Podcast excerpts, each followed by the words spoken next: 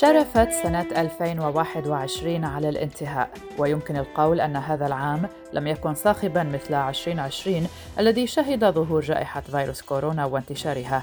واحتلت فيه أخبار الإصابات والوفيات الصحف يوميا ما دفع كثيرين إلى وصف تلك السنة بأنها الأسوأ على الإطلاق. لكن ومع قدوم عام 2021 لم تكن أحداثه أقل صخبا من سابقه. فالصراعات طغت على مجمل أشهره والكوارث الطبيعية تنافست في شدتها ومواقعها إلى جانب المفاجآت الكثيرة التي عصفت على الصعيدين الدولي وحتى الحياتي في حلقة اليوم من بودكاست في 20 دقيقة نرصد لكم أهم هذه الأحداث على المستوى الصحي، السياسي، المناخي وحتى الفني منه. يشاركني ضيفي الصحفي الثقافي السيد حبيب طرابلسي والسيد نضال عطية خبير بيئة ومنسق برنامج سياسات بيئية. أهلا بكم معكم براء صليبي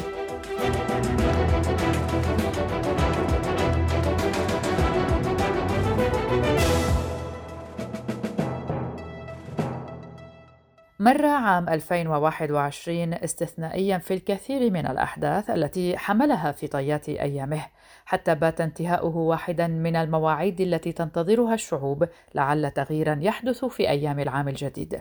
ورغم أن التوقعات أن تكون أيام وشهور عام 2021 حافلة بمجريات أكثر تفاؤلا من التي جرت في 2020 إلا أنه لم يخلو من المفاجآت. فعلى الصعيد الصحي وتحديدا حول فيروس كوفيد 19 أو كورونا ومتحوراته المختلفة. وصل عدد الإصابات المعلن عنها منذ أن تم الإعلان عن المرض ما يقرب من 271 مليون حالة بينما وصلت حالات الوفاة إلى 5 ملايين و312 حالة. في الوقت الذي تراهن فيه الدول على المسارعة في تلقيح مواطنيها لمحاولة السيطرة على انتشار الفيروس وكبح جماح متحوراته.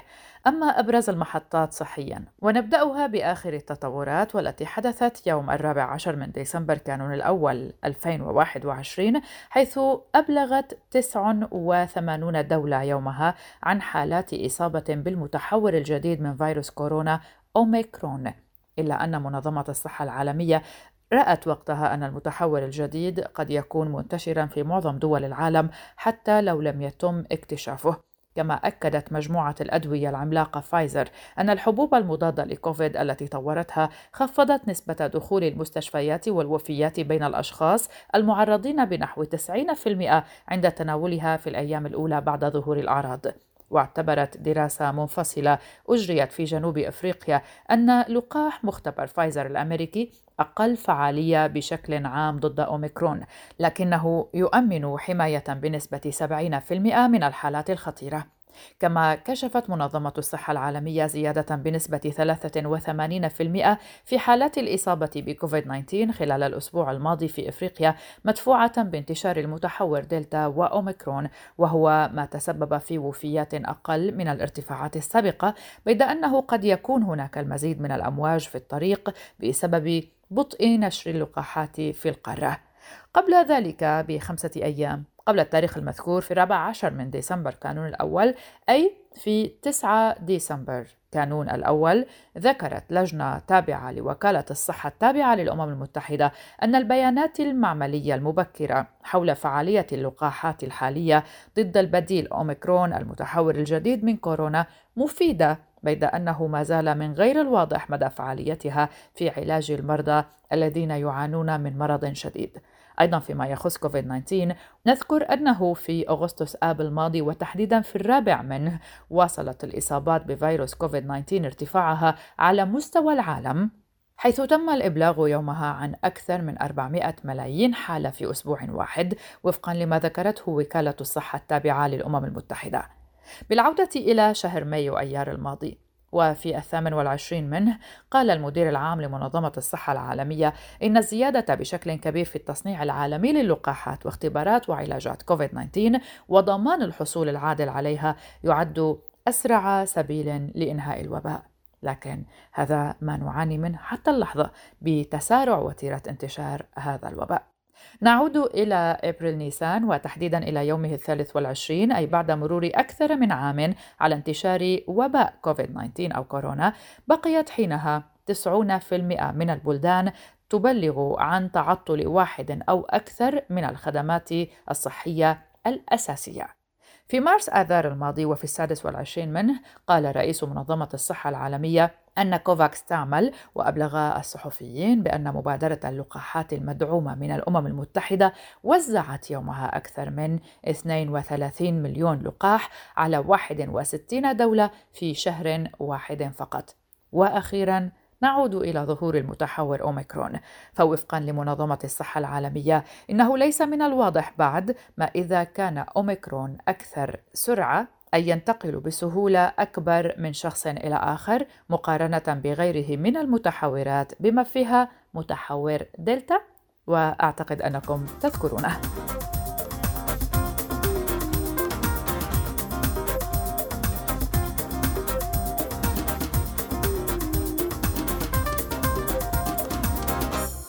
أما أبرز الكوارث المناخية خلال 2021 فقد شهد هذا العام حرائق وفيضانات وأعاصير. فقد شهدت العديد من دول العالم خلال العام الأخير كوارث مناخية مدمرة راح ضحيتها المئات وشملت الفيضانات العارمة وحرائق الغابات الكبيرة وهزات أرضية شديدة وثوران عدد كبير من البراكين وخلف ذلك أوضاعا معيشية مأساوية في المجتمعات المحلية وفاقم من سوء التغذية والبطالة والفقر. ودعا الأمين العام للأمم المتحدة أنطونيو غوتيريس قادة العالم الذين اجتمعوا في مؤتمر كوب 26 في غلاسكو دعا إلى إنقاذ البشرية وقال وقتها كفى قتلا لأنفسنا بالكربون كفى معاملة للطبيعة كما لو أنها مرحاض كفى حرقا وحفرا واستخراجا نحن نحفر قبورنا بأيدينا. الآن سنتوقف مع ضيف الحلقة السيد نضال عطية. وهو خبير بيئي ومنسق برنامج سياسات بيئية ليحدثنا عن بعض الكوارث المناخية لهذا العام وماذا حملت معها أو كيف ستؤثر على أعوامنا المقبلة. في ديسمبر 2021 كنا شهدنا تنظيم لقاء أو القمة عدد 26 حول المناخ التابع للأمم المتحدة آه، في مدينة غلاسكو واللي آه، انتهت بالنص المعروف باسم Glasgow Climate Pact النص هذا اللي كان محل جدل آه، نظرا لأنه المجتمع المدني العالمي يرى أنه ما يستجيبش للنداءات اللي تم بعثها من قبل الخبراء في المناخ. أو أيضا للوضعية المناخية الحرجة اللي آه، نعيش فيها. حرائق الغابات الفيضانات أو أيضا الأرقام القياسية لدرجة الحرارة هي ما بين الظواهر المناخية اللي عشناها سنة 2021 واللي تحث المواطنين في يكونوا أكثر استعداد وأكثر اهتمام بالمسألة المناخية لكن أيضا يعني تحث صناع القرار والسياسيين أجل أنه تكون السياسات العمومية والسياسات البيئية والمناخية أكثر صلابة وأكثر استعداد لمجابهة الظواهر هذه الكل. جنوب القارة الأوروبية تركيا واليونان على سبيل المثال. آه، وكذلك شمال القارة الأفريقية آه، تونس والجزائر مثلا. يعني كانوا عرفوا زاد حرائق غابات بدرجة آه، كبيرة ياسر. وكانت هناك يعني نتائج وخسائر بشرية في حرائق الجزائر مثلا. الحرائق هذه الحقيقة يعني هي مثال لأهمية الاستعداد المسبق لتأثيرات المناخية وخاصة آه، التعاون بين الدول المجاورة من أجل آه، السيطرة على هذه هذا النوع من الحرائق. إذا حرائق الغابات آه، تبرز سنة 2021 آه، من بين أهم الظواهر المناخية. اللي مهم أنها الحكومات والدول تستعد كما يلزم لمجابهتها خاصة وأن في بعض الحرائق الكبرى. يعني شفنا في اليونان على سبيل المثال آه، كيف يمكن أنه يتم التهام مئات الكيلومترات في بعض الدقائق وين أيضا ألسنة النار ممكن ترتفع إلى أكثر من ستة أمتار.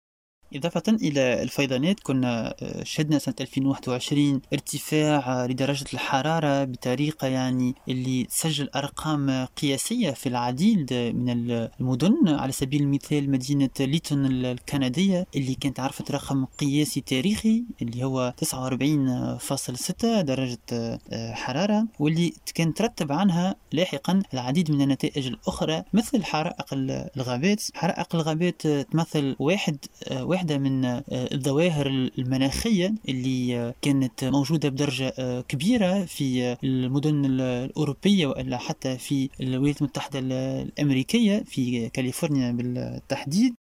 2021 كانت سنة عرفنا فيها العديد من الظواهر المناخية الكبيرة والمهمة آه، جدا. آه، ما بين النقاط اللي نجم نذكرهم هي انضمام الولايات المتحدة الأمريكية مجددا إلى اتفاقية آه، باريس. كيف كيف يعني ظهور الجزء الأول من التقرير السادس للأمم المتحدة أو خبراء المناخ حول فيزياء المناخ واللي أعطى معطيات كبيرة معطيات مهمة جدا. من بين المعطيات هذه والاستنتاجات يقول التقرير أنه ما يعرف بالتطرف المناخي بشوي أكثر آه، تواتر في آه، العديد من البلدان. آه، كيف كيف يقول أيضا أنه مثلا الأعاصير ذات الدرجة الرابعة والخامسة باش نوليو نشاهدوها أكثر في العالم مقارنة بالسنوات ولا حتى العقود الماضية. نحن أيضا سنذكركم بأبرز الكوارث الطبيعية نسوقها لكم مع تواريخها. نبدأ من شهر الأول شهر يناير كانون الثاني وتحديدا بين السابع والتاسع منه تساقطت الثلوج في البرتغال وإسبانيا ووصلت إلى مستويات قياسية وكانت الأكثر غزارة منذ خمسين عاما وأسفرت عن أضرار مادية بنحو 2.2 مليار دولار ومقتل خمسة أشخاص. سميت يومها تلك الفترة بعاصفة فيلومينا. أيضا في يناير وبين الثامن والعشرين والحادي والثلاثين ظهر إعصار آنا فقد ضربت عاصفة من الفئة الثانية جزر فيجي في جنوب المحيط الهادي. صاحبتها رياح وصلت سرعتها إلى 140 كيلومتر في الساعة و500 ملم من الأمطار وتم إجلاء أكثر من 7600 شخص. في شهر فبراير شباط وبين الحادي عشر إلى العشرين منه عواصف أسبوع الفالنتاين انقطعت الكهرباء عن ملايين الأشخاص في ولايات جنوب وسط الولايات المتحدة وانخفضت درجات الحرارة إلى 11 درجة ناقص درجة مئوية في هيوستن وتكساس وقتل حوالي 223 شخصاً. في مارس آذار وفي الخامس عشر منه حدثت عاصفة رملية في الصين فقد تعرضت العاصمة الصينية بكين إلى تلك العاصفة والتي نتج عنها ارتفاع تلوث الهواء إلى 160 ضعفا عن المستوى المصابه. أيضا في مارس آذار بين السابع عشر والسادس والعشرين منه وفي شرق أستراليا غمرت المياه مدينة نيو ساوث ويلز في فيضان صنف بالأسوأ منذ ستين عاما حيث تساقط حوالي 81.9 مليار لتر من الأمطار. في إبريل نيسان بين الثالث والثاني عشر منه الإعصار سيريوجا الاستوائي. دمر هذا الإعصار المداري مناطق شاسعة من أندونيسيا وتيمور الشرقية وغرب أستراليا وقتل ما لا يقل عن 272 شخصا. بين يونيو حزيران إلى أكتوبر تشرين الأول سمعنا عن حرائق غابات كارثية فقد دمرت تلك الحرائق أكثر من سبعة ملايين هكتار من الغابات في الولايات المتحدة وكندا وفقدت كندا وحدها 4.2 مليار هكتار من الأراضي البرية بزيادة 61% عن متوسط العشر سنوات الأخيرة كما وصلت درجة الحرارة في مدينة ليتون بكولومبيا البريطانية إلى 49.6 درجة مئوية وهو رقم قياسي تاريخي في كندا. كما اشتعلت مساحات شاسعة في غابات كل من تركيا، اليونان، إسبانيا، إيطاليا، الجزائر، تونس والمغرب. بين يونيو حزيران إلى يوليو تموز ارتفعت درجات الحرارة بشكل هستيري، فقد ضربت موجة حر شديدة الشمال الغربي الأمريكي أي غرب المحيط الهادئ بعد ارتفاع درجات حرارة المحيط. في الثاني والعشرين من يونيو حزيران صار هناك موجة حر في موسكو اعتبرت بأنها استثنائية. فقد سجلت موسكو وقتها أعلى درجة حرارة في مئة عام بوصولها إلى 34.7 درجة مئوية وهو أعلى بثلاث درجات من متوسط الحرارة في يونيو حزيران. بين الرابع عشر والخامس عشر من يوليو تموز حدثت فيضانات مميتة في أوروبا. فخلال هذين اليومين هطل على أوروبا الغربية معدل شهرين من الأمطار الغزيرة ونتج عنها فيضانات عارمة أودت بحياة 242 شخصا 184 منهم في ألمانيا الأكثر تضررا وتجاوزت الأضرار المادية 10 مليارات دولار في عشرين دقيقة, مع براء صليبي, مع براء صليبي.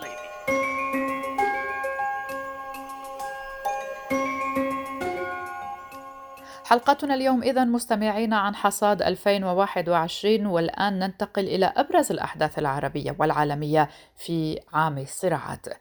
من المصالحة الخليجية في مدينة العلا السعودية مرورا بانقلاب السودان وانتهاء بكأس العرب إليكم أبرز الأحداث التي شغلت المنطقة العربية والعالم أيضا خلال 2021 نبدأ من قمة العلا وعودة العلاقات الخليجية. فقد انطلقت في الخامس من يناير كانون الثاني أعمال الدورة رقم 41 لمجلس التعاون لدول الخليج العربية برئاسة العاهل السعودي الملك سلمان بن عبد العزيز في مدينة العلا السعودية بمشاركة قادة الدول الأعضاء. وشهدت هذه القمة اهتماما متزايدا في ظل مساع لتعزيز الحوار بين الدول الرباعي العربي وقطر حيث سبقتها جهود كويتية حثيثة لرأب الصدع لينتج عنها إعلان العلا الذي شمل التوقيع على بيان بشأن الدوحة ووقع القادة ورؤساء الوفود المشاركين في القمة الخليجية على وثيقة مبادئ تؤسس لإنهاء الأزمة الدبلوماسية مع قطر التي استمرت لأكثر من ثلاثة أعوام. ننتقل إلى أمريكا واقتحام الكونغرس. بدأ الأسبوع الأول من عام 2021 أيضا وتحديدا يوم السادس من يناير كانون الثاني بحدث غير مسبوق وهو اقتحام مجموعة من أنصار الرئيس الأمريكي السابق دونالد ترامب مبنى الكونغرس وذلك أثناء جلسة التصديق على نتائج الانتخابات الأمريكية وإعلان فوز الرئيس جو بايدن إذ فوجئ الجالسون داخل مبنى الكابيتال بالواقعة وقبل دخول أنصار ترامب المبنى عمت الفوضى محيط الكونغرس بعد عبورهم الحواجز الأمنية للمبنى والاشتباك مع عناصر الشرطة لينجحوا بعدها في دخول قاعة مجلس الشيوخ واحتلالها وتحطيم المكاتب وسرقة أشياء منها.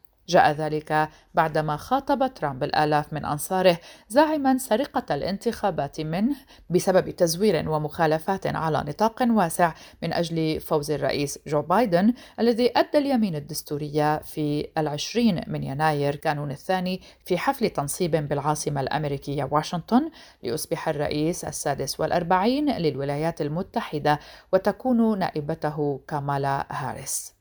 ننتقل إلى أفغانستان ويعتبر الحدث الأبرز في 2021 هو استعادة حركة طالبان السيطرة على أفغانستان والدخول إلى العاصمة كابول بعد انهيار الحكومة الأفغانية وقواتها. ومغادرة الرئيس الأفغاني أشرف غني البلاد إثر قرار الولايات المتحدة وحلفائها بالانسحاب من الأراضي الأفغانية.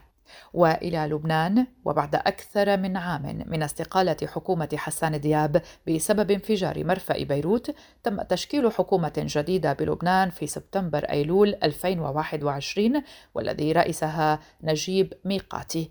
وكان ينتظر لبنان والعالم أجمع هذه الحكومة من أجل إنهاء حالة من الشلل السياسي التي استمرت عدة أشهر فضلا عن معاناة البلاد من أزمات اقتصادية واجتماعية وانهيار الليرة لتقع بيروت تحت وطأة الفقر والاحتجاجات المطالبة بإصلاحات سياسية شاملة. وإلى ألمانيا وبعد 16 عاما في السلطة تركت المستشارة الألمانية أنجيلا ميركل منصبها لأولاف شولتز بعد فوز حزبه الديمقراطي الاجتماعي بفارق في الانتخابات الفيدرالية سبتمبر أيلول الماضي متغلبا على الاتحاد الديمقراطي المسيحي وفي الثامن من ديسمبر كانون الأول عين أولاف شولتز والذي يبلغ 63 عاما عين مستشارا للبلاد بعد أن حصل على دعم من 395 نائبا ليحل محل أنجيلا ميركل ولتودع ميركل منصبها الذي شغلته كما ذكرنا 16 عاما من السلطة وحملت معه أمجادا واسما يخلده التاريخ. ننتقل إلى أزمة التوتر بين روسيا والناتو وأزمة المهاجرين في بيلاروس. فقد شهد العام المنصرم تصعيدا ملموسا في حدة التوتر بين روسيا وحلف الناتو لا سيما فيما يحيط بالنزاع الأوكراني. في مايو أيار ويونيو حزيران نفذ حلف الناتو أكبر مناورات له في أوروبا منذ ثلاثين عاما بعد أن سبقته روسيا. في إبريل نيسان بسلسلة اختبارات مفاجئة لجاهزية قوات المنطقة العسكرية الجنوبية وقوات الإنزال الجوي ومناورات مكثفة شملت مختلف صنوف القوات المسلحة في شبه جزيرة القرم الروسية.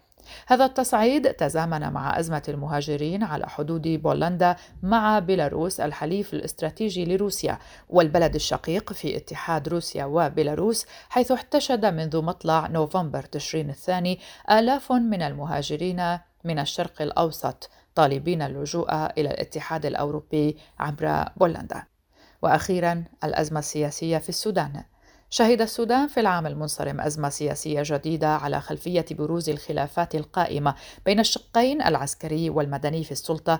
وفي الخامس والعشرين من أكتوبر تشرين الأول أعلن قائد الجيش السوداني عبد الفتاح البرهان عن حل الحكومة المدنية وفرض حالة الطوارئ في البلاد مع وضع رئيس الوزراء المدني عبد الله حمدوك قيد الحبس المنزلي واعتقال عدد من أعضاء حكومته.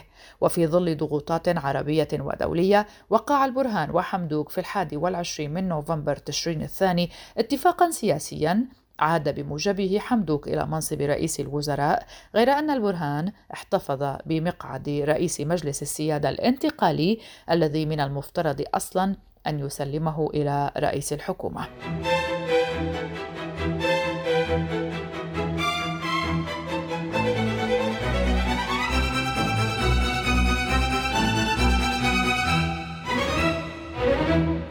في الجزء الثالث والأخير من حلقة اليوم سنتحدث على الصعيد الفني والذي شهد عدة أحداث هذه السنة نذكر منها أولا عودة شريهان إلى الساحة الفنية ففي رمضان 2021 عادت شريهان كأنها لم تغب ولم تبتعد ولم تتألم وكأن الزمن توقف منذ عشرين عاما لتطل بنفس الزخم والاندفاع من خلال إعلان استعراضي يجسد قصة حياتها وتغلبها على المعاناة ومن بعدها لتلعب دور بطولة في مسرحية عرضت في المسارح المصرية.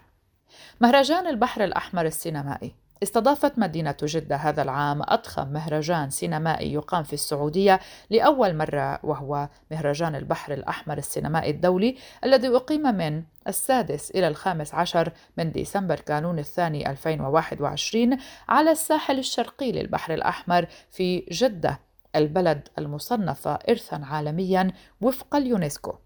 واستقطب المهرجان عديدا من المواهب والنجوم والمخرجين والإعلاميين ومحترفي صناعة السينما من جميع أنحاء العالم في احتفالية ضخمة امتدت على مدى عشرة أيام. كما غيب الموت كثيرين من رموز الفن في العالم العربي في هذا العام مثل الفنان الموسيقي وكاتب الأغاني اللبناني الياس الرحباني والفنانين المصريين القديرين عزة العلايلي يوسف شعبان سمير غانم ودلال عبد العزيز. أيضا غيب الناشطة والكاتبة النسوية نوال السعداوي والممثل والمخرج الأردني جميل عواد. وفي نوفمبر تشرين الثاني فارقنا المطرب والفنان الكبير السوري صباح فخري.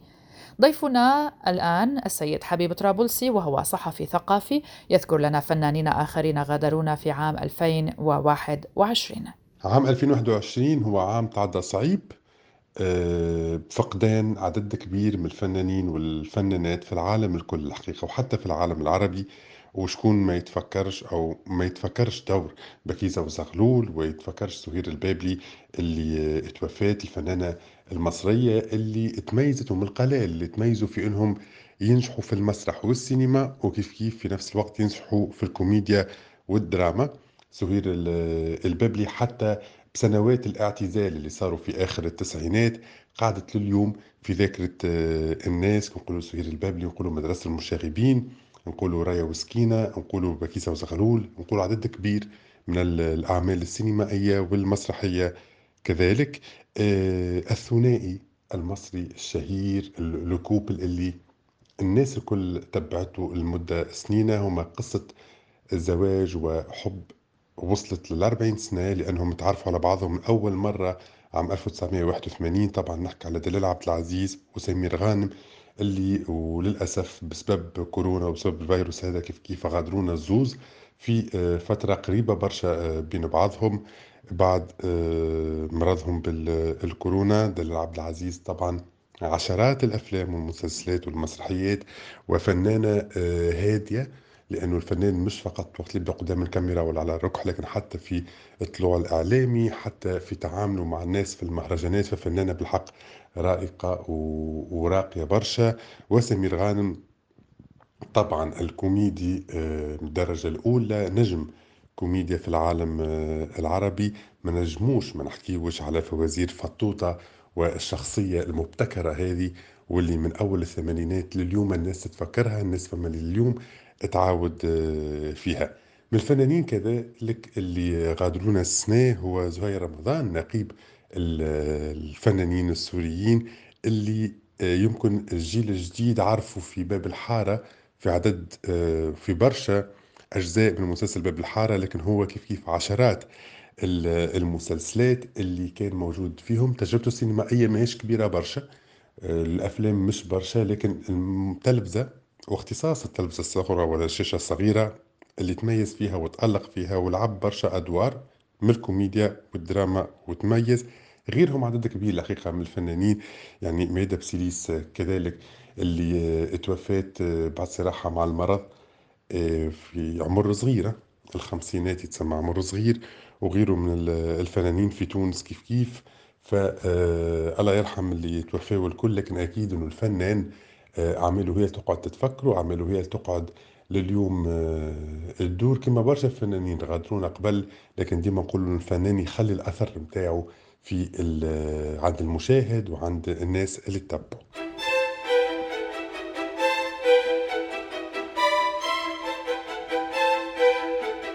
هذه كانت حلقة من بودكاست في عشرين دقيقة. كنت معكم براء صليبي. شكرا لكم لطيب الاستماع. نتمنى لكم نهاية عام سعيدة وآمال جديدة تبنوها لأعوامكم المقبلة إلى اللقاء.